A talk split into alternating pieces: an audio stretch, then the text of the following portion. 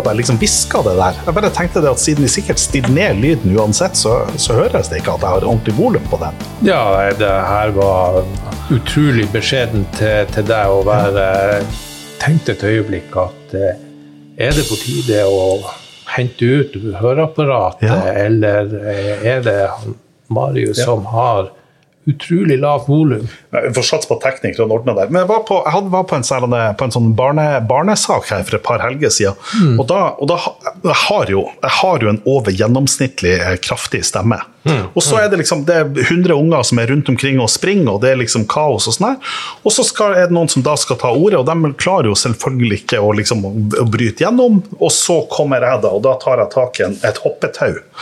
Og du vet, enden på et hoppetau, og så later jeg som at den er mikrofonen, og så bare jeg tar tak i den og sier Hallo, hallo, hallo, er det lyd i mikrofonen min? Ja, ja, det høres ut som det er lyd i den. og, så, eh, og da hadde jeg fått oppmerksomheten fra alle sammen, og så, og så var det liksom når jeg da ga det til dem som egentlig skulle si noe, så slutta plutselig mikrofonen å virke. Ja. Eh, Den vitsen var ikke så god. Jeg skulle ha fått litt hjelp til den der. Ja, hjelp til vitser, der eh, har du jo et levende eh, medium, eller eh, så kan du jo kanskje søke hjelp hos eh, mer kunstige intelligenser. Yes. yes. Fordi, at, fordi at jeg tenkte jeg skulle snakke litt om det her med kunstig intelligens. Sånn der, igjen, igjen. Har, jeg har ikke noen dommer på det, og sånn her, men det, må liksom, det er jo likevel litt juss og joss. Altså. For, jeg, for jeg, jeg må si at jeg bruker jo den kunstig intelligens. Jeg bruker den chat-GPT ganske ofte. Ja. Når jeg på en måte jobber med tekster og sånn her. Og sånn. Eh, Det hjelper meg masse. Ja, det er fint at du syns det. Syns det. Altså, eh, personlig så har jeg inntatt den samme holdninga som eh, flertallet gjorde da eh, noen kom og påsto at jorda var rund. Jeg reagerer med frykt, vantro Ja. og avsky mot Ja. alt som har med, det- med chat-GTP å gjøre. Det eneste artige jeg har sett, eh, er sensor på en annen institusjon. Og der hadde den fagansvarlige, som er skikkelig fagnerd, han hadde spurt GTB, eh, GTP om å utrede eh, et juridisk problemkompleks, og så kom GTP tilbake med ei hel smørbrødliste med masse utsagn. Og da var oppgaven å ta og så gå igjennom svarene til ChatGTB og finne ut hvor eh, AI hadde bomma eller vært unyansert. Og det var eksamensoppgave. Det var eksamensoppgave. Og det var en kul oppgave! Ja, det var og det var en kjempekul oppgave. Ja, det, Ja, det det ga meg ja. trua på at A. ChatGTP kan brukes til noe, G- og B. at ChatGTP kan brukes til noe. GPT. GTPT. GPT. PTS. ChatGTP PTS kan brukes til noe. Da fikk og- du litt PTSD. Ja, og, og, og at ChatBTGB er ubrukelig. Nemlig. Ja, nemlig. nemlig. Men, men altså, når jeg, når jeg f.eks. Liksom jobber, på, jobber på en tekst, så er det sånn at, at det å ikke sant, be om en ordlydsfortolkning, ikke sant, eller det å Kan du gi meg synonymer til det her? Det er liksom en ting som jeg kan bruke det til. Men så kan du også bruke det til at, at jeg på en måte forklarer Jeg holder på å skrive denne teksten, holder på å skrive denne artikkelen. Nå er vi på denne delen. Kan du hjelpe meg å skrive dette? Dette er tankene mine. Og så kan jeg liksom hamre ned tankene mine, ideene mine og strukturen min inn i den, og så kan han på en måte forme det til den teksten. For den kommer det at, for den, kommer det at den, der, den overgangen med å liksom få de tankene formulert til en tekst, det er en ganske krevende oppgave. Men da får jeg, kan jeg på en måte få hjelpa til det, og da får jeg da ut en tekst, og så kan jeg på en måte rydde opp i den teksten og gjøre den til min tekst. Altså, sånn at, og da, og da syns jeg at det på en måte, sant, da begynner jeg med mine tanker.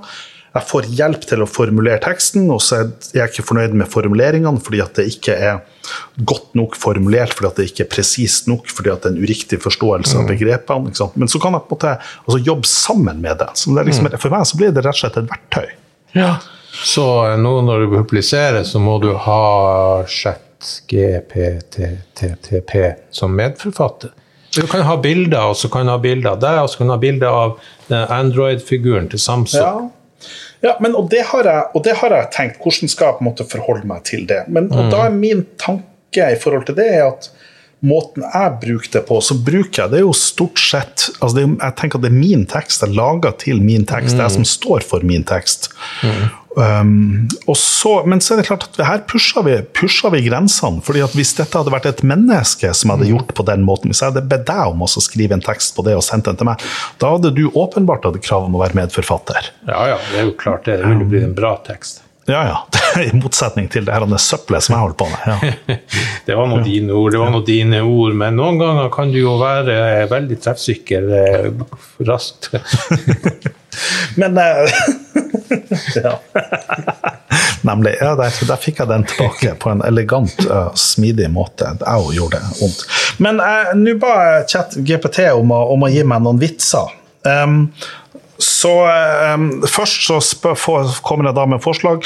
Um, hvorfor ble advokaten en bonde? Mm. Fordi han var god til å pleie rettigheter. Oh. Den eh, der eh, faktisk under mitt lavmål. Hva er forskjellen mellom en god advokat og en flott artist? Uh, nei, si det. En god advokat kjenner loven, mens en flott artist vet hvordan man bryter den. Nettopp, nettopp. Um, men så, så var jeg litt sånn, ok, men la oss, så ba dem om å krasse det inn og si at ja, vi, vi har liksom et juridisk publikum her. Og, da, og da får jeg liksom noen alternative svar, og så blir jeg sånn Jeg er ikke helt sikker på om det er blitt så mye bedre, men eh, eh, hvorfor er dommerne alltid så rolige? Fordi de veier sin, nøye sine ord før de feller en dom. Sånn, var det et poeng der? Jeg, Det må være eh, veldig, veldig, veldig dyp, dype poeng. Ja. Det er jo at eh, å felle en dom, det krever jo litt eh, sinnsro og, og, og, og balanse og sånt, så kanskje det med litt veldig Ja. Hva er likheten mellom juridiske dokumenter og matematikk? mm, Begge har sidetall. Begge inneholder mange ubegripelige symboler og får folk til å gråte. Det, var litt, det var litt morsom. Det var, det var på grensa til morsom. Den, den, den, den var jo Den var jo Den begynner jo å nærme seg. Det er jo liksom sånn at du kan høre et sånn der lite poff langt i det fjerne. Ja. Og så, og så, og så en som, som jeg tenker eh, det her, er- her er de kanskje i nærheten ut av liksom, å treffe noen ut av eh, jurister på ordet. Men altså, hvorfor blir ikke jurister invitert til halloweenfester? Fordi de alltid kommer i et kostyme som objektiv sannhetsjeger. er sånn, ok det, det, det, ok, hvis vi klipper ut alt det andre, og så lar vi den stå som er Den, eh, den der, eh, der begynte, der begynte AI ennå å, å kvikne. Ok. Men eh, Gunnar, i dag har vi, det, i dag har vi liksom den o store sommeravslutninga, og, og, Ja. da, og da sendte jeg ut et memo eh, til meg sjøl som jeg ikke sendte Mm. til deg, om at, om at vi har jo alltid hatt tradisjon på sommeravslutninga å ha liksom, eh, Marius og Gunnar-greier Mm. uten gjest og sånn her, og med liksom fokus på våre saker. Men jeg sendte jo ikke den til deg, så Nei. du har vært og forberedt en helt annen sak, mens jeg har Ja. forberedt en Marius-sak her. Ja, ja, ja. ja. Det, det, det synd, synd det. Jeg burde jo egentlig eh, ha vært så oppegående at jeg huska hva vi gjorde i fjor, og, og, og forutse det memoet, men det, det kom aldri. Det kommer Men altså, det jeg tenker at det her er jo ikke Det, det er jo på meg. Ja. Ja.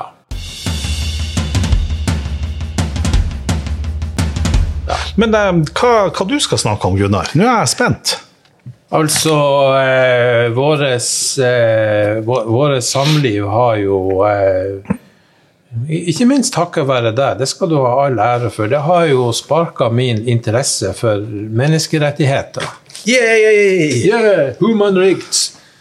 Det er jo eh, eh, til dels artig.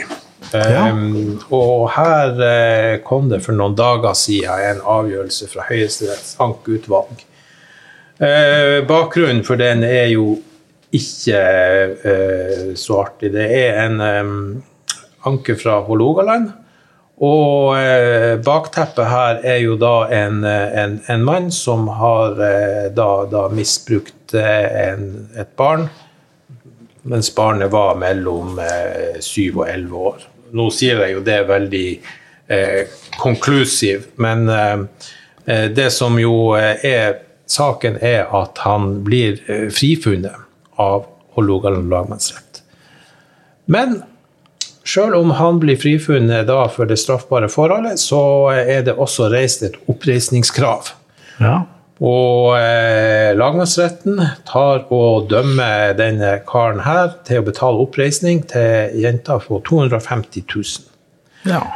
Men eh, det som er mennet her, det er at eh, lagmannsretten ordlegger seg i den eh, erstatningsdrøftelsen så utvetydig at eh, denne her karen som er frifunnet, han mener at der tar lagmannsretten og sier mer eller mindre klart at du gjorde det likevel, det mm. perverse svin. Vi er på den gamle, gamle bevisbyrde. Ja, det er den. Og da drar jo han frifunnet opp ja. Ja, og sier min ordskyldspresumpsjon har blitt krenket. Mm. Dette er ikke lov min menneskerett er krenket av Grunnloven 96, EMK artikkel 6. Og så peises det her inn for eh, ankeutvalget, og, eh, og ankeutvalget tar også eh, sier følgende ja. Man har rett, hans uskyldspresumpsjon er krenka. Et brudd på Grunnloven 96, EMK artikkel 6. Men lagmannsrettens samla begrunnelse, sier Høyesterett, viste imidlertid at resultatet ville bli det samme med en eventuelt ny behandling av spørsmål om gjenopprettingserstatning. Ja. Så Høyesterett opphever ikke og sender, til, sender, ikke tilbake til ny behandling. Ja. De avviser anken med den begrunnelse at krenkelsen av uskyldspresumpsjon ble reparert med at Høyesterett konstaterte det. Ja, nemlig, nemlig, nemlig. Mm. Ja. Ærlig. Ja, ja, nice. Syns, du syns det er nice, ja. ja? ja? Kan du forklare det her, mister Human Rights Watch? Ja, ja det kan jeg gjøre. Mm. Det kan jeg gjøre. Fordi at i eh, det, det, som er det grunnleggende kravet her, er jo da EMK artikkel 13. Og den sier jo noe sånt som det at enhver har rett til et, en, en, en, rettslig prøving hos et nasjon... Nei, på, de har rett til en overprøving. De har rett til et effektivt rettsmiddel, en effektiv remedy, hos en nasjonal myndighet etter EMK artikkel 13. Og så er det spørsmål hva er det som ligger i et, i et effektiv remedy, et, et, også i det norske retten, i EMK-retten, oversettelsen, mm. så står det oversett 'effektiv prøvningsmiddel'. Mm. Men så er det jo sånn at med prøvningsmiddel det henviser jo da til en, en judisiell, altså en prosessuell garanti, mens effective remedy det viser jo til en annen side. sånn at mm. i, på en måte EMK-retten så er det sånn at i dette henvist her, så er det på en måte to grunnleggende krav. og Det ene det er dette kravet til at du skal ha tilgang på et effektivt organ med en viss kompetanse. Og det andre er at du skal ha tilgang på det som da kalles redress, altså en reparasjon. Ja. Og så blir jo da spørsmålet um, hva menes med en redress og en reparasjon? Hva er det som skal til for at noe skal være reparert? Jeg må si, eh, Marius, du eh, treffer ballen klokkerett. Du eh, du er i Haaland-klasse her. Eh, men da er da mitt spørsmål I denne saken, er det da tilstrekkelig å bare konstatere menneskerettighetsbruddet, som Høyesterett åpenbart mener her? Er det nok? Ja, og det er jeg faktisk usikker på. Fordi at altså det Menneskerettsdomstolen gjør Det Menneskerettsdomstolen gjør, er at han i noen ganger så, altså konkluderer man menneskerettsbrudd, og Man sier at fordi at det foreligger menneskerettsbrudd, så er det en oppreisning i seg sjøl. I andre saker så sier man det at det må utbetales en erstatning. Mm, og så mm, er det sånn at så sier man at når er det det må være en erstatning? Og det må være en erstatning med en krenkelse av EMK artikkel 2 om retten til liv. Det må være en erstatning med en krenkelse av artikkel 3, torturforbudet. Og det må være erstatning ved en frihetsberøvelse. Mm, mm. Mens når du er på en EMK artikkel 6, som vel kanskje er krenka her, så tror jeg ikke at det følger EMD sin praksis. Og nå er jo det her på mm. sparket, så det vet jeg ikke, men jeg tror ikke det følger EMDs praksis Nei. at man har et krav på oppreisning da. Mm. Det betyr at men, men, det betyr jo at da må man jo konkret gå inn og så må man se kan dette repareres ved en konstatering, eller vil det være utilstrekkelig? Ja, ja. Du eh, fortsetter å imponere og, og, og, og treffe det, det, det, sentrale her. Og, eh, jeg prøvde jo å undersøke litt eh, også rundt det her, men eh, det er nok slik du sier. Eh, det vil jo vel gå på en vurdering av hvor alvorlig det her mm. menneskerettighetsbruddet er, og hvor lenge det har pågått, og, og forskjellige ting. Og i min kan vi si, eh, barnlige uvitenhet om all denne jussen, så tok jeg og begynte å bore litt i denne eh, saken, erstatningssaken mot fetteren til Birgitte Tengs. Ja. For at her i fjor var det jo eh, denne saken mot denne her eh, karen som eh, ble funnet å være den drapsmannen. Ja. Og hva vi sier, fetteren var jo da frifunnet da endelig i straffesaken, men erstatningssaken sto jo på, på, på sitt eget grunnlag. og det var jo en sånn forferdelig sak, det der med at foreldrene til Tengs fulgte jo denne her saken. Mm. Og, og, mora tok jo hele tida og ikke ville gi slipp på det her erstatningskravet mot, mm. mot fetteren, sjøl om han eh, nå var frifunnet. Og, og, eh, hva vi si, eh, altså det erstatningskravet det er jo en lang historikk Eh, på, på, det. Men det som jo var det juridiske problemet, var jo at fristen for å gjenoppta, gjenåpne saken var gått ut for lenge siden. Men så på høstparten eh, er det vel, så tar vel eh, man og prøver likevel, er det vel i Agder lagmannsrett. Mm. Og da tar jo lagmannsretten og avsier kjennelse på den med det at de bruker EMK artikkel 13 til å tolke eh, den norske bestemmelsen om gjenopptakelse, eh, fristbestemmelsen, innskrenkende. Ah, nemlig. Og gjenåpne erstatningssaken og frifinne fetteren for erstatningskravet. Ah, nemlig. Nemlig. Så um, EMK artikkel 13 er et potensielt uh, kraftig, kraftig verktøy. Yes som man har åpna døra litt på gløtt. Ja. ja, og det er, jo, det er, jo, på vei opp flere saker opp til Høyesterett på EMK artikkel 13. Mm. Um, altså i, i, februar i fjor så kom Høyesterett i den første, tolga, Tolga-saken. Og Da er det jo tre, tre brødre med, med, mm. altså, som da får konstatert en psykisk utviklingshemming, og som da viser at de ikke har ikke psykisk utviklingshemming, og så krever de erstatning i forhold til det.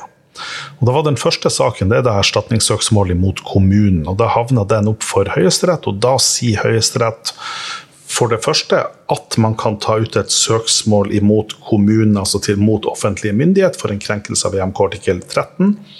Men så sier man at vi tar ikke stilling til om EMK artikkel 13 kan fungere som en selvstendig erstatningshjemmel. Mm. Og så er det som da skjedde etter den saken, at kommunen har da inngått et, et forlik med, med, sånn at denne måte, kommunen er ute. Men så gjenstår da spørsmålet om staten. og Da leser jeg i media at, at den saken kommer opp i, i, retten i høst. og Da vil jo da et spørsmål være eh, altså For det første, har det skjedd en EMK-krenkelse her? Eh, og det andre spørsmålet vil jo da være ok, men hvis det har skjedd en EMK-krenkelse, har man da krav på erstatning? Mm. Mm. Og da vil jo eh, et av de spørsmålene her er jo sant, hvilken EMK-bestemmelse er det som blir krenka. Fordi at Hvis du sier at dette er artikkel 3, torturforbudet, som er krenka, ja, men da er det, følger det helt klokkeklart av EMK-praksis at da skal man ha krav på erstatning. Og da, vil, og da må på en måte det spørsmålet avklares at artikkel 13 gis anvendelse. Dersom man finner at det er artikkel 8, altså retten til privatliv, som er krenka, f.eks., mm. så er det ikke klokkeklart av EMD sin praksis at man har krav på erstatning. Så det er liksom én ut av dem. Det er klart, og der, Her er det jo liksom et komplisert spørsmål. Og så er det jo spørsmål hva er det Høyesterett gjør. For det Høyesterett kan gjøre hvis det er denne saken som kommer opp. For Jeg så også en annen sak, men det husker jeg ikke detaljene på, som også er på en måte i systemet, som er på vei opp. Um, og som kan hende kommer før den her. Men det er klart at sånn som jeg ser det, så er det jo sånn at man må bruke IMK artikkel 13. Man gi den direkte anvendelse, og den må få en direkte virkning som en selvstendig erstatningshjemmel. Det er mitt, mitt, klare standpunkt, og det har det vært i, i noen år.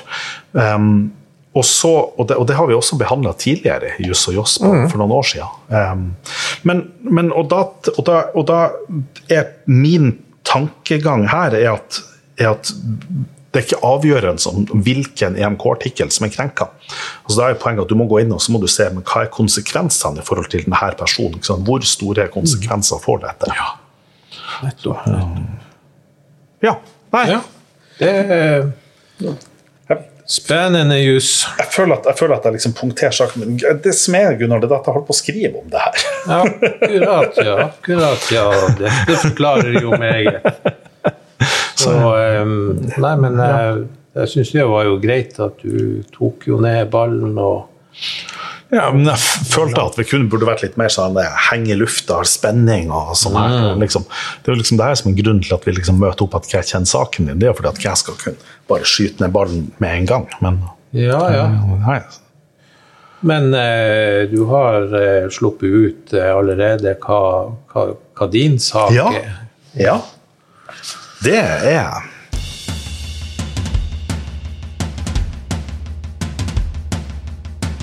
Grensesetting og bruk av tvang overfor barn i fosterhjem. Oi. Det, det er ganske gøy. Dette er da en, en, rapport som jeg da sitter framfor meg, og den publiseres offisielt den 22. Mm. august. Um, sånn at det som jeg sier her om den her, det er jo da, dette er da upublisert materiale mm. og sånn her, sånn at vi har, vi har nå det, det, forbeholdet på den her. Ja, unnskyld at jeg er så nysgjerrig, men uh hvis det her er snakk om altså barn som er plassert i fosterfamilier, skal ikke de behandles likt som eventuelt eh, biologiske barn, eller eh, som om de var biologiske ja, barn? Der er du så, Klokkerent på spikeren. Det var et ja. Haaland-øyeblikk, Gunnar. Ja. Det var et Haaland-øyeblikk! For, for, fordi at altså, La oss bare liksom ta, ta konteksten. At et barn, barn er eh, Et barn gjør handlinger som ikke voksne alltid gjør. Mm. Barn kan slå, barn kan gjøre ganske mye rart. Og da er det en del av grensesettingen, det er en del av oppdragelsen, at vi på en måte hjelper barn til å få en atferd som er akseptabel og fungerer i samfunnet vårt. Mm. Og så er det sånn at, og hva er det vi gjør da? Jo, da griper vi jo inn i forhold til barnet sitt privatliv. Vi, vi, på en måte stopper barnet. Når, når, barnet slår seg krakilsk på butikken, så kan man på en måte plukke opp barnet og bære det ut av butikken. Og så kan vi se for seg det at hvis, hvis kona mi hadde stått og grått på butikken og hadde plukka opp og båret henne ut av butikken, så ser jeg for meg at det kunne blitt en skandale. Mm, Men fordi at et barn så tenker vi at det er en akseptabel atferd. Mm. Og hvorfor tenker vi det? Jo, fordi at vi tenker at det, på en måte, det ligger et omsorgselement, og vi tenker at, at vi som samfunn, at voksne, har på en måte et eller annet ansvar i forhold til denne grensesettinga. Mm. Men så blir spørsmålet men hvis, hvis, jeg går inn og plukker opp noen andre sitt barn, mm. og bærer det gråtende ut av butikken, mm. er det da greit? Det kommer jo an på konteksten. Ja, så Barnet står og gråter framfor godtedisken disken og sier 'pappa, jeg vil ha godteri', 'pappa, jeg vil ha godteri', og jeg tenker at nå er det pika det meg nok ut av det der. Og så klipper jeg opp barnet og, og bærer det med meg ut, mens faren på en måte springer etter og prøver å stoppe meg fra det her, for han tenker at dette var kanskje eh, uriktig av meg å gripe inn i hans eh, barneoppdragelse. Så eh, du fikk akutt sinnssykdom og trodde at du var fosterhjemsfar, eller hva? Nei, altså i, i det her eksempelet som for ordens skyld aldri har skjedd, så, så, er jo, så er jo poenget at altså Det som er mitt poeng, det er at for at vi skal på en måte gripe inn overfor et barn, så kreves det en eller annen form for relasjon. Ja. Sant? Det kreves et eller annet som ligger i grunn. Ja. Og så er min forståelse at foreldre, i kraft av det biologiske prinsipp, og i kraft av barneloven paragraf 30, på en måte som gir den omsorgsplikten, så er det sånn at foreldre har en rett og en plikt til å foreta grensesetting overfor barn. Og så er på en måte grensa i forhold til den grensesettingen at de har ikke lov til å utøve på en måte vold.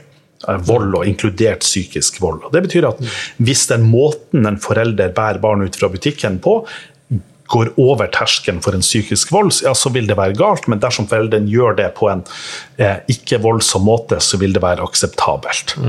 Men så er jo likevel tanken at foreldre kan gjøre ting som andre ikke kan.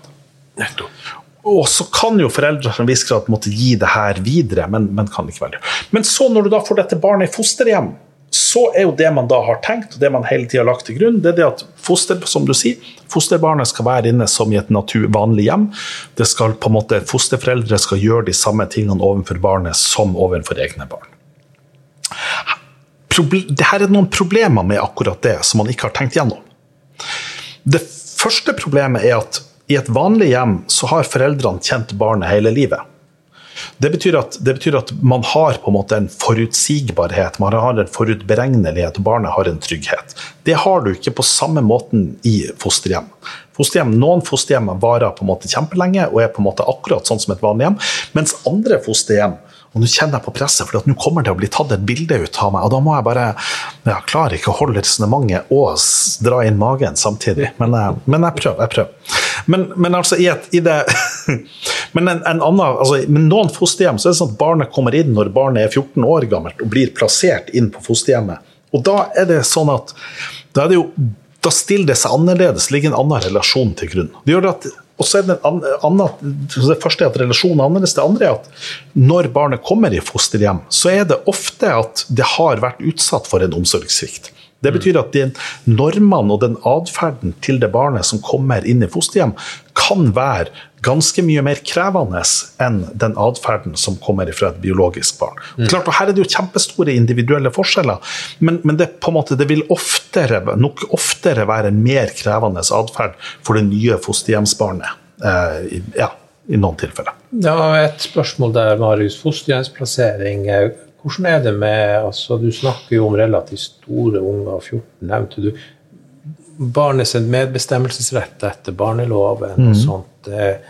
Eh, hvordan stiller det seg her i forhold til plassering og i, i forhold til en eller annen slags eh, kompetanse om at eh, ja, jeg godtar å bli satt i fosterhjem, og da godtar jeg også at det liksom er lyset slås av klokka ni, og jeg skal sove og sånt. Ja, det er jo, det er jo, det er jo interessant, fordi at, fordi at du, altså, ikke sant, er Fosterhjemmene så har du på en måte veldig ulike grader. fordi at noen har du på en måte, Dette er på en måte en klokkeklar, altså klokkeklar tvang. altså barnets, Ja, barnet blir hørt, men det er på en måte ikke mulig å respektere barnet sin vilje, og det er på en måte klokkeklar tvang. I andre ganger, tilfeller så vil det på en måte være en fosterhjemsplassering i tråd med barnet sitt ønske. Og, altså sånn at, og du har på en måte et vidt spekter. Men, men så blir spørsmålet mm, hvis barnet har samhandla til det, har da barnet samtykka til de her reglene? Så tenker jeg, men det kan du ikke. Men da er vi over på det siste, liksom, det store prinsipielle problemet. Det, Men hva er en fosterfamilie? Ja, Hva er fosterforeldrene? Hva er det rettslige grunnlaget for fosterforeldrene sine handlinger? er ikke det et vedtak? Det er et vedtak.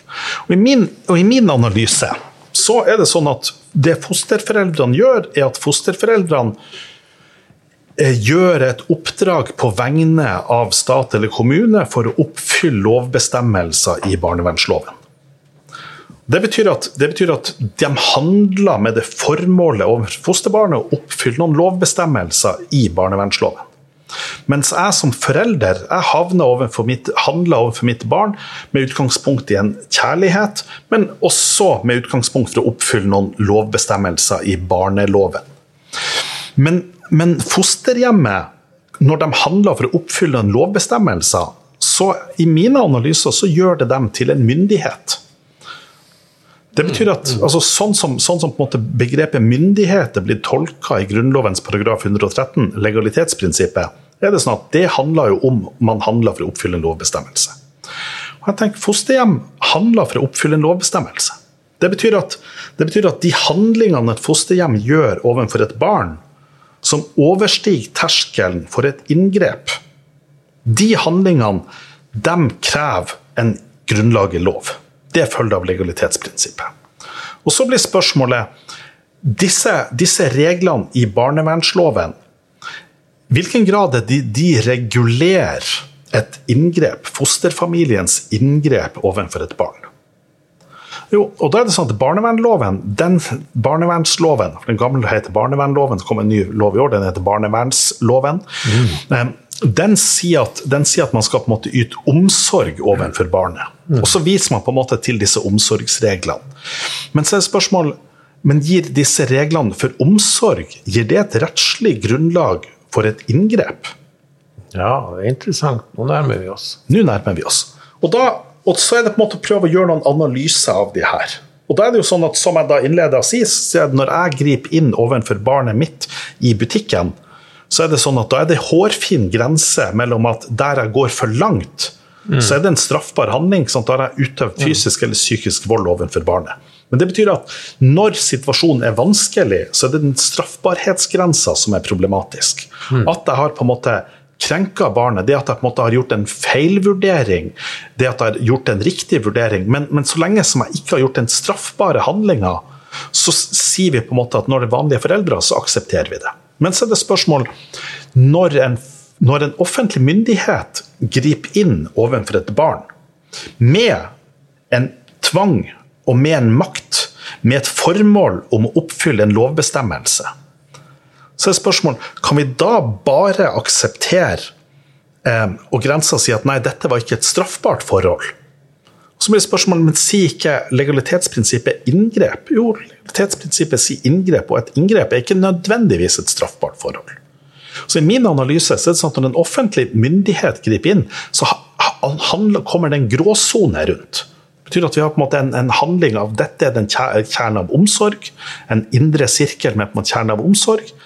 Og så er det sånn at Når du er fosterfamilie, så får du en gul sirkel utapå her, som er de handlingene som oversteg inngrepsterskelen, som har et omsorgsformål, men som kan være straffbar, som kan være ulovlig.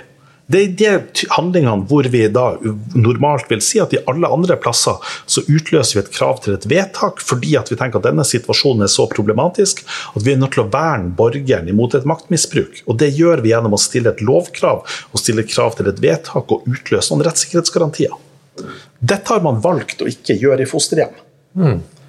Det er det grunnleggende problemet. Klart jeg forklarer det, poenget klart. Du, eh, det, det, det, det, kom fram. Det kom fram, det, gjorde det. Og jeg syns jo at det er jo Det er jo fremdeles vanskelig eh, å oppstille jo da grenseganger mellom eh,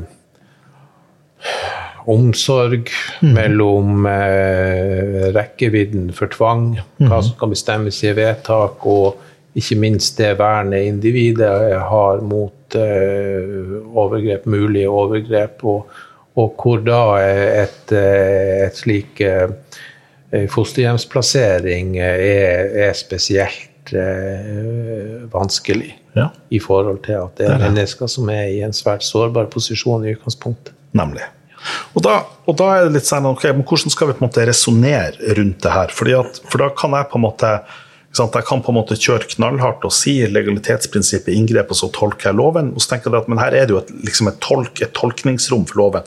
Hvor langt, hvor langt, skal du tolke dette legalitetsprinsippet? Hvor langt skal det være?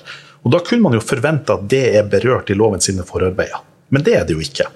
Det er ingen som i, altså Jeg leter på en måte systematisk i alle ulike forarbeidene til både barneloven, og fosterhjemsloven og barnevernsloven, altså, og ulike versjoner og sånn. Og det er på en måte ikke noen sånn drøftelse av legalitetsprinsippet. Altså man, på en måte, man, man vurderer ikke altså Man har ikke vurdert fosterforeldre som en offentlig myndighet. Mm. Og fordi at man ikke har vurdert fosterforeldre som en offentlig myndighet, så har man sagt at dette er som et vanlig hjem. Og da mener jeg at da har man jo latt være å foreta en vurdering. Mm. Så det er det jeg har gjort i denne fosterhjemsrapporten. Det er det at jeg på en måte drar opp og jeg gjør denne vurderinga. Og, og, det er ikke noen som har gjort det før, så jeg er litt sånn spent på hvordan det her kommer ut. fordi at har jeg rett eller har jeg feil? Og det, vet, altså det er liksom vanskelig å vite. Men basert på mitt skjønn, ja. så tenker jeg at her, det, her, er vi over terskelen på et lovkrav. Og så er spørsmålet tilfredsstiller denne, denne lovhjemmelen de kravene vi har. Og den lovhjemmelen vi har, den stiller ikke et krav til vedtak, den stiller ikke krav til notoritet, den stiller ikke krav til klage. Mm. Så det foreligger ikke noen sånne her mekanismer i barnevernsloven. Det betyr at når et fosterhjem har gjort det de på en måte mener er en nødvendig, riktig og nødvendig tvang overfor barn, men som også klart er et inngrep, og som barnet er uenig i, mm. så finnes det ikke noen mekanismer som kan få overprøvd det. Nettopp, nettopp. Og I min analyse så gjør det at vi kan som samfunn kan ikke vite om fosterforeldrene har gjort rett, eller om de har gjort feil. Og det mener jeg er uakseptabelt overfor det barnet som vi har, som samfunn har gjort en omsorgsovertakelse for, fordi at vi skal beskytte. For hvordan kan vi vite at dette fosterforeldre alltid gjør riktige vurderinger? Mm. Det kan vi ikke vite. Vi må også beskytte barnet imot fosterforeldre som gjør riktige vurderinger.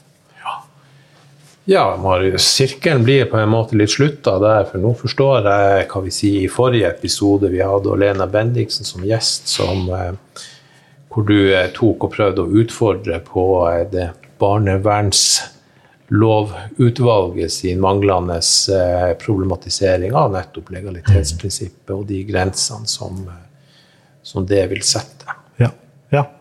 ja for er problemet at, problemet at man tydeligvis ikke har liksom tenkt på det, for man har liksom vært inne i et annet spor. Ja. Og så er spørsmålet hvorfor har man ikke tenkt på det? Jo, det er fordi at man tenker at et barn skal være et fosterhjem. Da skal det være mest mulig normalt. Og hvis du da går inn og stiller et krav til vedtak, du stiller krav til dokumentasjon, du stiller krav til det her, så gjør du, da gjør du på en måte noen elementer ut av det annerledes enn et vanlig hjem. Og det gjør det vanskeligere for fosterhjemmet å fungere som et vanlig hjem. Men samtidig så gir du også barnet en rettssikkerhetsgaranti og et vern imot disse overgrepene. Og Det er en avveining. Så er spørsmålet hvordan skal vi på en måte treffe på det. Og I den forskningsarbeidet som vi har gjort sammen med, med Nordlandsforskning, her, så har vi på en måte gjennomført intervjuer med fosterhjemsbarn, og med fosterforeldre, og med tilsynsførere, med barnevernstjenester og med statsforvaltere. og sånn. Og, og, og her kommer det på en måte fram at ja, for det første har de aller fleste barn i fosterhjem de har det bra. Men rapporten viser også at det er noen eksempler på eh, en del problematiske handlinger, og det er noen eksempler på at fosterforeldre handler rett, og som på en måte gjør vold imot barn. Og, skulle, og, det skulle på en måte vært fanga opp, men hvor det ikke blitt fanga opp. Og Da tenker jeg, da må vi på en måte finne noen måter vi kan bedre systemet på. Så er spørsmålet hvordan kan vi gjøre det, og samtidig muliggjøre at vi klarer å rekruttere fosterforeldre. Fordi at det trenger barn. Og det er vanskelig. Akkurat. Det var det jeg hadde tenkt å si, Gunnar. Ja, men uh, du har uh, Du har talt vel. Marius Storvik. Ja. Så har du flere kloke visdomsord for, for Nå overlater jeg, overlater jeg liksom det siste til Gunnar. Skal han komme med en rapp eller et dikt eller en, klok visdomsord eller noe sånt her. Og, og, eller en vits, kanskje. Eller, og der tror jeg Gunnar er klar. Og én, to, tre. Nei, Marius. Jeg har istedenfor etter vår samtale blitt eh, fylt med ettertenksomhet. Vi har tatt opp Eh, ganske alvorlige tema og eh, drøfta dem på en eh, grundig og innenfor de rammene vi har, samvittighetsfull mm. måte. Så jeg har nok faktisk ingen underholdningsinnslag inni meg. Det skal være poesi, musikk eller uh, humorinnslag. Så jeg tenker at eh, kanskje vi for en gangs skyld bare kan ta oss og eh, på en eh, stillferdig måte si god sommer til vår eh, store og stadig voksende lytterskare. Podkasten Just og Joss produseres i samarbeid med Result på Universitetet i Tromsø.